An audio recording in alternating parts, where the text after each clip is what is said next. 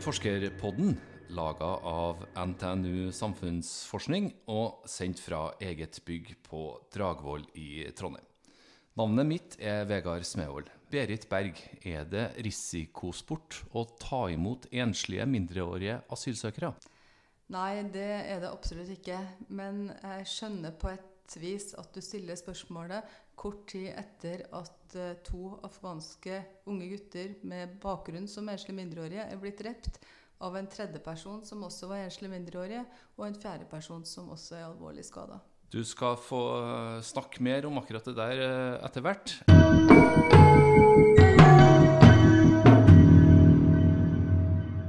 Du hører på Forskerpodden, som er laga av NTNU Samfunnsforskning her i Trondheim. I dag har jeg med meg forskningssjef Berit Berg, som har bred erfaring fra flyktningefeltet. Du har eh, jobba med det her helt siden 1970-tallet. Du er professor og forskningssjef for mangfold og inkludering her på huset. I flere medier har du uttalt deg. På generelt grunnlag er det viktig å påpeke om den tragiske drapssaken i Trondheim høst, hvor to enslige mindreårige asylsøkere fra Afghanistan ble drept av en 18 år gammel afghansk mann. En fjerde, også han fra Afghanistan, ble hardt skada i hendelsen. Hvorfor ble to unge gutter drept i Trondheim i september, Berit Berg? Ja, Det kan selvfølgelig verken jeg, kanskje heller ingen andre, svare godt på. Eh, det vi kan si noe om, er jo om belastninger som enslige mindreårige eh, har vært utsatt for gjennom mange år. Men det er ikke sikkert at dette er forklaringa. Det kan hende at han er blitt syk. Det kan hende at han er en voldelig person. Det må vi også kunne ha som, et, som en mulighet. Men hvis jeg skal si noen ting om belastninger, da, uten å dermed liksom si at jeg har bestemt at det er det som er forklaringa, så må vi starte egentlig med det som er bakgrunnen for at de har flykta. De kommer fra et land i borgerkrig. Og det, et land i krig er selvfølgelig et land hvor det er mye fare. Du har vært utsatt for store påkjenninger, enten direkte sjøl, eller at du har vært vitne til at andre mennesker er drept der du bor, er blitt eh, utradert gjennom bombing. Det kan være Du er livredd for grupper som kan eh, ønske å skade deg. Så det er klart det er mange ting som krig innebærer. Eh, flere, jeg kjenner afghanere her i Trondheim som har eh, sjøl mista halve familien sin. De er likvidert av eh, grupper som ønsker å ta over makta i landet. Så det er klart at krigen, forfølgelsen, er én type belastning. Så er det selve flukten, og den eh, har vi jo fått veldig mye eh, TV-bilder fra gjennom de siste årene. Da det kom veldig mange, eh, med flere enn det vi var vant til over Middelhavet. Og som da var en farefull flukt hvor du ikke helt visste om du ville komme fram til bestemmelsesstedet. Så har du en neste fase igjen, som er for de heldige, må man nesten si, da, som klarte å komme seg videre gjennom Europa til tross for at grense etter grense ble stengt. Så har de da kommet til Norge, og så er det da en asylprosess som eh, tar lang tid, og hvor du bor på asylmottak og venter. Eh, Enslige mindreårige er i så måte ikke noe unntak. Hvis de er over 15 år, de bor også på asylmottak. Mm. Så du kan si det er mange sånne typer belastninger som gjør at livet er ekstremt stressende. Du er bekymra, du er redd for utfallet. Mm. Men for å understreke det, og det kommer jeg til å gjøre hele veien her mm. fordi det, vet, det, er jo ikke noe én-til-én sammenheng mellom at du har hatt det vanskelig, og at du gjør fæle ting. Sånn at de aller, aller fleste som har opplevd belastende ting, de har også Eh, beskyttelsesfaktorer i seg, i seg sjøl. Og så er det viktig at vi bygger opp dem også rundt dem i form av voksne fagpersoner. Hvor mange fra Afghanistan har vi i Trondheim? Eh, akkurat hvor mange som er fra Afghanistan, det tror jeg ikke jeg har helt nøyaktig tall på. Men vi er ca. 200 enslige mindreårige, og det store flertallet av dem er fra Afghanistan. Hvor ellers er de fra? Ja, de er fra Eritrea, de er fra Somalia, de er fra Irak. Så du kan si at de siste, dette er jo, er jo, har jo endra seg over tid. Jeg var med og tok imot de første enslige mindreårige som kom til Trondheim i 1979. Da kom de fra Vietnam og fra Latin-Amerika. Så dette her har jo endra seg. Men de store gruppene er de jeg sa i stad. Mm. Hvorfor er så mange av dem eh, menn? Dette handler jo om, eh, om eh, samfunnene de kommer fra, og kvinners eh, rolle, posisjon. Sånn at eh, for unge kvinner så er det å bryte opp og dra ut på en eh, lang ferd, den er farligere. Rett og slett fordi at eh, jenter er mer sårbare og mer utsatt. Sånn at eh, fra Afghanistan så er det, er det nesten ingen eh, jenter. Fra land som Eritrea, og Etiopia og Somalia så er det noen kvinner, men de er bitte lite mindretall. Mm. En eh, 18 år gammel eh, mann, altså, han sitter eh, fengsla nå. Han har også vært eh, store deler av den tida på sykehus fordi han ble hardt eh, skada sjøl. Hva vet vi om han? De siste dagene så har det kommet fram eh, litt mer informasjon om han. Han, har vært, eh, han kom som enslig mindreårig fra Afghanistan, i likhet med de som ble drept og skada. Eh, han har vært eh, Fordi han var over 15 år da han kom hit, så har han da bodd på asylmottak. Og fordi han kom i en periode hvor eh, det etter hvert ble eh, en kraftig reduksjon i ankomster av enslige mindreårige, så ble mange mottak nedlagt. Og han, som veldig mange andre, de har måttet flytte fra mottak til mottak.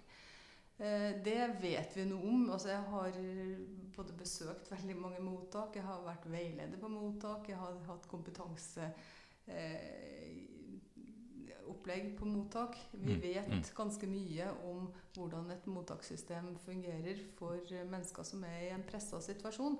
Det er få voksne som jobber der, og Mm. det er få med faglig bakgrunn som kan dette med å jobbe med. Går det an å si, om, eh, si noe om hvordan eh, hverdagen deres er?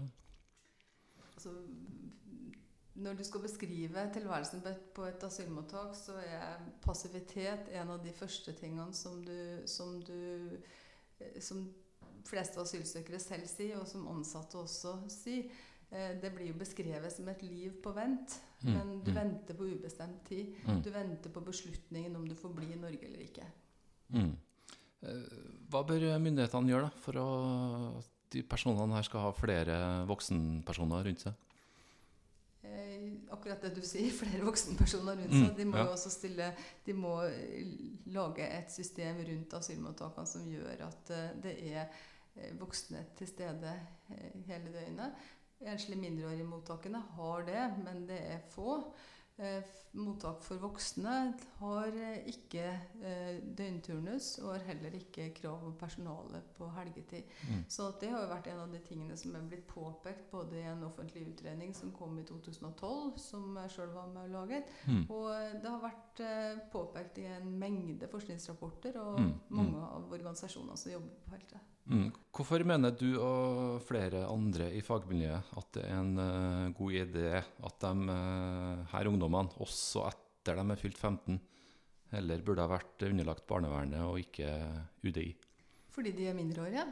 Det sier norsk lov. Vi har en barnevernlov som, som uh, sier at når du ikke har foreldre eller andre nære omsorgspersoner rundt deg, så er det barnevernet som skal ta ansvaret for deg. Men eh, for denne gruppa så har da i praksis utlendingsloven trumfa barnevernloven. Mm. Og det betyr at eh, myndighetene da har gjort et, satt et skille på 15 år, hvor de over 15 år da får plass på enten egne avdelinger for enslige mindreårige, eller egne mottak for enslige mindreårige.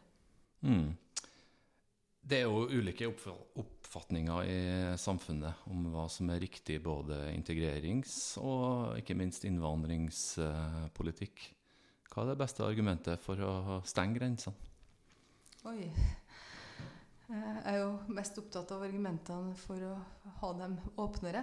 Mm. Eh, Jeg tror at jeg vil starte med å si at eh, det vi snakker om her, det handler om flyktninger. Hvor vi Mm, har en mm. klar eh, internasjonal forpliktelse til å bidra til å gi mennesker på flukt beskyttelse. Og selv om det kanskje er et litt sånn et argument som ofte blir brukt, og som kanskje noen er lei av å høre, så er det noe med at hvis, eh, hvis land som vi hadde bruk for å søke tilflukt i, stengte grensene for oss under andre verdenskrig. Mm, Hva ville vi mm. tenkt da? Mm. Så at dette her er en internasjonal eh, forpliktelse. Og den forpliktelsen den kan ikke bare gjelde de landene som er naboland, som selv ofte er land i sterk krise, enten økonomisk eller politisk, og som allerede har store, store grupper med flyktninger boende. Mm. Kan situasjonen vi var i på 40-tallet sammenlignes? Den kan selvfølgelig ikke det, men jeg tror at akkurat det fenomenet som handler om mennesker på flukt og deres behov for beskyttelse, det mener jeg kan sammenlignes. Mm. Jeg mener at vi vil få en kynisk verden hvis ikke vi er i stand til å kunne hjelpe mennesker som har behov og krav på beskyttelse.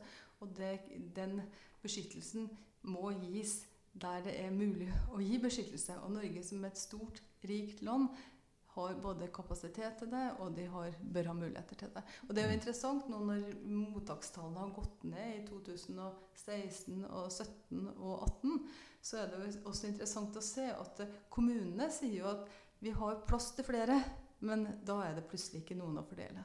Du skal selvfølgelig også få spørsmålet om hva som er det beste argumentet for å ta imot dem. Men jeg skal svare på det du spurte om. Jeg skal gjøre det. Ja. For du spurte om hva er de beste argumentene eh, Mm. for å stenge grensene. Ja, Du kan få svar på begge deler, da. Ja, Mm. Nei, for det, det er klart at det som, det som har vært eh, en, et av argumentene for oss å eh, stenge grensene oppover i Europa etter den, det året 2015 som ble beskrevet som en flyktningkrise Jeg vil jo en parentes si at det var vel først og fremst en krise for de menneskene som trengte beskyttelse, mens vi da betrakta det som en krise for Europa. Men eh, det som har vært brukt som et argument som jeg skjønner, er jo at eh, dette ga jo også et frislepp for smuglere som skulle sko seg på andres skjebne. Og det er selvfølgelig eh, veldig, veldig bekymringsfullt. Eh, Sånn at, at noe måtte gjøres, det er jeg helt enig i. Men det som skjer da, er jo at i kjølvannet av at man får oppslutning rundt et sånt argument, så lages det samtidig eh, på den ene sida beskyttelse for land som Norge og land i Europa som egentlig burde ha muligheten til å hjelpe, samtidig som man ikke følger opp de forpliktelsene som man har sagt at man skulle eh, Altså forpliktelsene som man lovte eh, når det gjelder å øke bistand, eh, gi muligheter i de områdene, i nærområdene. Eh, Jeg snakket med Flyktninghjelpen for ikke lenge siden, og, eller jeg snakket med dem jevnlig. Og det de sier, er at eh, flyktningleirene i regionen rundt Syria og rundt Afghanistan de sliter jo med å få nok penger til mat og medisiner i leirene. Og da spør jeg er det troverdig når man da bruker dette som argument. Vi skal heller hjelpe i nærområdene istedenfor å ta dem til Norge. Mm. Så hvorfor eh, bør vi ta imot dem? Som jeg sier, Vi har en internasjonal forpliktelse til å bidra inn i en, i en dugnad rundt å hjelpe mennesker i nød. Og, så det er argument nummer én. Og så kan du jo si at eh, hvis en da fortsetter å gjøre dette til ikke bare et spørsmål om å ta imot flyktninger, men også et spørsmål om innvandring, så er det jo ikke sånn at Norge har en høyere innvandrerandel enn gjennomsnittet i Europa. Vi ligger helt på gjennomsnitt, selv om vi er et rikt land som har lav arbeidsledighet og god plass. Sånn at eh, her er det eh, jo et spørsmål om eh, hva slags samfunn vi ønsker å ha. Og Mm, mm. vi vet jo sjøl, ikke for at det er overhodet ikke noe argument i flyktningdebatten, men i en generell innvandringsdebatt, så vil jeg også si at vi er nødt til å ha her også flere tanker i hodet samtidig. Vi kan ikke både være bekymra for fødselsunderskuddet blant norske kvinner og at vi i mange sektorer trenger arbeidskraft, samtidig som at vi ikke anerkjenner det bidraget som innvandrere faktisk over mange, mange år har eh, vært innafor. Både når det gjelder å sørge for at vi har nok, nok folk, at vi har nok folk som nok hender i omsorgssektoren osv. Det er vel eh, lite som tyder på at norsk innvandringspolitikk blir endra radikalt med det første. Så da blir spørsmålet hva skal vi som bor her, da gjøre for at de som kommer, får det best mulig? Ja, til det første så, så eh, kan det godt hende at du har rett i det, at den ikke blir radikalt endra. Men jeg, jeg har lyst til bare, liksom, som et apropos til det du sier, også minne om at eh, innvandringen til Norge den har gått i bølger. Og hvis den legger to kurver oppå hverandre, så ser vi at Eh, det er to ting som har påvirka de endringene. Det ene er eh, økte ankomster av flyktninger. I, og de har gått i perioder. Ikke fordi verdens flyktninger eh, antallet, antallet flyktninger i verden har endra seg så mye. Det har gått oppover i, og økt de siste årene. Men det, det, har ikke liksom gått opp og ned og fram og tilbake. Nei. Men det som har, det har endra seg, er jo vårt behov for arbeidskraft. Og den kurven over arbeids, eh, altså sysselsettingen og sysselsetting av innvandrere, den viser veldig klart at vi er mer sjenerøse når vi har behov for innvandrere, enn når vi ikke har behov for dem. Så det er mye hult i hele argumentasjonen. Eh, og det syns jeg er litt viktig at vi, at vi, tar tak i. Men det du spurte om, var hva vi kan gjøre. Mm, ja, og det, eh, jeg tror at her det, må vi jobbe på mange plan. Mm. Eh, det må jobbes politisk for å bevisstgjøre om både våre forpliktelser og våre muligheter, og sånn at også folk får et bilde av hvem er det som faktisk er kommet, og hvordan går det med dem. I debatten så, så tegnes det et bilde av innvandrere som en byrde, og ikke som en ressurs. Og hvis vi ser igjen da på sysselsetting, og vi ser på det, hva som skjer over tid med innvandringen, så er det jo sånn at eh, de som har bodd i Norge lenge, de, de jobber de betaler skatt, de tar utdanning, og de bidrar lokalt. De er på en måte som alle andre. Mange av dem er egentlig sånn Hvis du tar ungdommer, så er mange av dem mønsterungdommer. Gjør det kjempebra på skolen. Eh, sånn at eh, Derfor så er bildet som tegnes, det er at eh, dette her er bare et problem, bare en økonomisk byrde. Det stemmer ikke. For det andre så må vi også minne om eh, forpliktelser, og det må vi gjøre på forskjellige måter. Jeg tror at både det er klart Vi vil sikkert ha bedre eksempler enn å vise til andre verdenskrig, men jeg tror samtidig at for mange så vil det være en ganske skummel tanke at den dagen du sjøl hadde behov for beskyttelse, enten det var pga. politiske forhold eller pga. klimaforhold, så skulle folk si at nei, vet du, det tror jeg vi ikke har lyst til akkurat nå. Det syns jeg blir for enkelt. Og jeg tror at vi må, vi må kanskje jobbe mer med å kunne skape eh, bilder av situasjoner, lage scenarioer som gjør at flere folk kjenner seg igjen og skjønner hva dette handler om. Så For det tredje så er det klart at vi må jobbe her og nå. Og jobbe her og nå betyr at vi eh, er nødt til å eh, også bli kjent med de som er kommet, sånn at ikke de blir et de, og vi blir et vi. Men at vi ser at det her er folk som du jobber sammen med, det er folk som du går på skole sammen med, det er folk som bor i nabolaget, det er folk som du spiller fotballkamper med. Mm. Og det er også interessant å se, hvis du tar idretten da, mm. og kultur eh, i bred forstand, så ser vi at der er det jo sånn at vi heier på eh, dem, de heltene våre. Fordi de gjør det godt på fotballbanen eller på friidrettsbanen eller i musikken. Mm. Sånn at det er et eller annet med å se at eh, vi, vi er nødt til å anerkjenne bidragene deres. Mm. Og så må vi også gi dem rett til å være akkurat som andre mennesker. De er sjuke og friske, de er snille og skjemme. Mm. Mm. Eh, jeg skulle egentlig spørre deg om akkurat det. Du som uh, kjenner feltet så godt som du gjør. Uh, har du noen konkrete solskinnshistorier om der det har gått uh, ordentlig bra. Ja, fryktelig mange sånne solskinnshistorier. Jeg regner mm. Og eh, jeg kjenner veldig mange som, eh, som i dag eh, altså For å starte opp med det, det jeg starta med sjøl innenfor dette feltet Jeg begynte mm. å jobbe som nyutdanna sosionom i 1979. Så fikk jeg jobb i Flyktningerådet, som er det som i dag er Flyktninghjelpen. Og de, vi etablerte da et innenlandskontor her i Trondheim. Da tok jeg imot eh, mange flyktningfamilier fra Vietnam. Ikke bare enslige mindreårige, som jeg sa tidligere, men også familier. Og mange av de familiene har jeg fortsatt mye kontakt med. Og i de familiene så er det jo i dag mange du kan møte igjen som spesialister på St. Olavs hospital, som jobber i media, som jobber eh, som ingeniører. En som kom som godt voksen. Han jobbet i mange mange år som sivilingeniør i eh, en, av, en offentlig stilling i Trondheim. Eh, det er mange sånne eksempler. Hvis vi drar det fram til de gruppene vi snakker om i dag, så eh, kjenner jeg personer som jobber innenfor omsorgen og i systemene med enslige mindreårige som selv har bakgrunn fra de samme landene som enslige mindreårige kommer fra, som har tatt utdanning, og som i dag er personer som sitter i mellomleder- og lederstillinger og gjør en kjempeviktig innsats.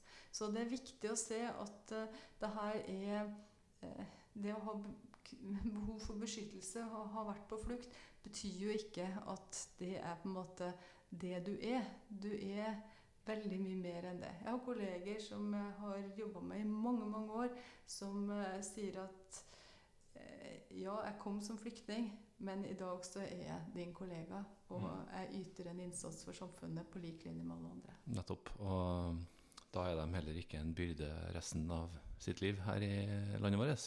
Nei, selvfølgelig så er det ikke det. Men så er det jo også viktig å understreke at uh, altså Norge har nærmer seg en million mennesker med innvandrerbakgrunn.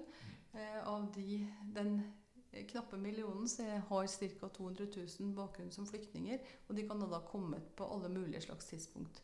Sånn at det er klart at i, av en million mennesker så vil det være alle slags folk. Mm, mm. Men jeg tror at hvis vi går tilbake til spørsmålet du stilte i stad, liksom, hva vi bør gjøre, så er det jo også noe med å få rydda opp litt i, i, vår forståelse av hvem vi snakker om her. Og så må vi slutte å ha som premiss for alle diskusjoner at, at, integreringen går så dårlig. Integreringen går ikke dårlig hvis vi ser dette i et langtidsperspektiv. Og da kan vi ikke på en måte la enkelteksempel og tragiske hendelser som den vi har opplevd her i Trondheim nettopp, uh, være det som, som tegner hele bildet og, bestemmer hvordan vi forstår integrering i Norge. Mm. Det betyr nok også da at vi har liten grunn til å gå rundt og være redd? Vi har liten grunn til å gå rundt og være redd. Og jeg tror at det å være redd er et, eh, noe av det minst konstruktive vi kan gjøre i en situasjon som den som har vært nå. Eh, det vi trenger nå, er å gjøre det som Ukeadressa hadde en kjempefin reportasje om nå på lørdag, og si at nå må vi gå videre. Og det å gå videre, det handler selvfølgelig om de personene som er mest berørt. Men det handler også om å lage sirkler rundt dem og se at vi må gå videre fordi vi også Dette handler om, å, å, det handler om et vi. Og det handler om også å gi disse uh, unge menneskene en mulighet i skolen, i nærmiljøet og der de ellers er. Gi dem en mulighet til å få lov til å bidra, og gi dem en mulighet til å få lov til å ta imot. Takk til forskningssjef eh, Berit Berg. Du har eh, hørt på Forskerpodden, laga av NTNU Samfunnsforskning og sendt her fra Dragvoll i Trondheim. Navnet mitt er Vegard Smevold. Vi høres neste gang.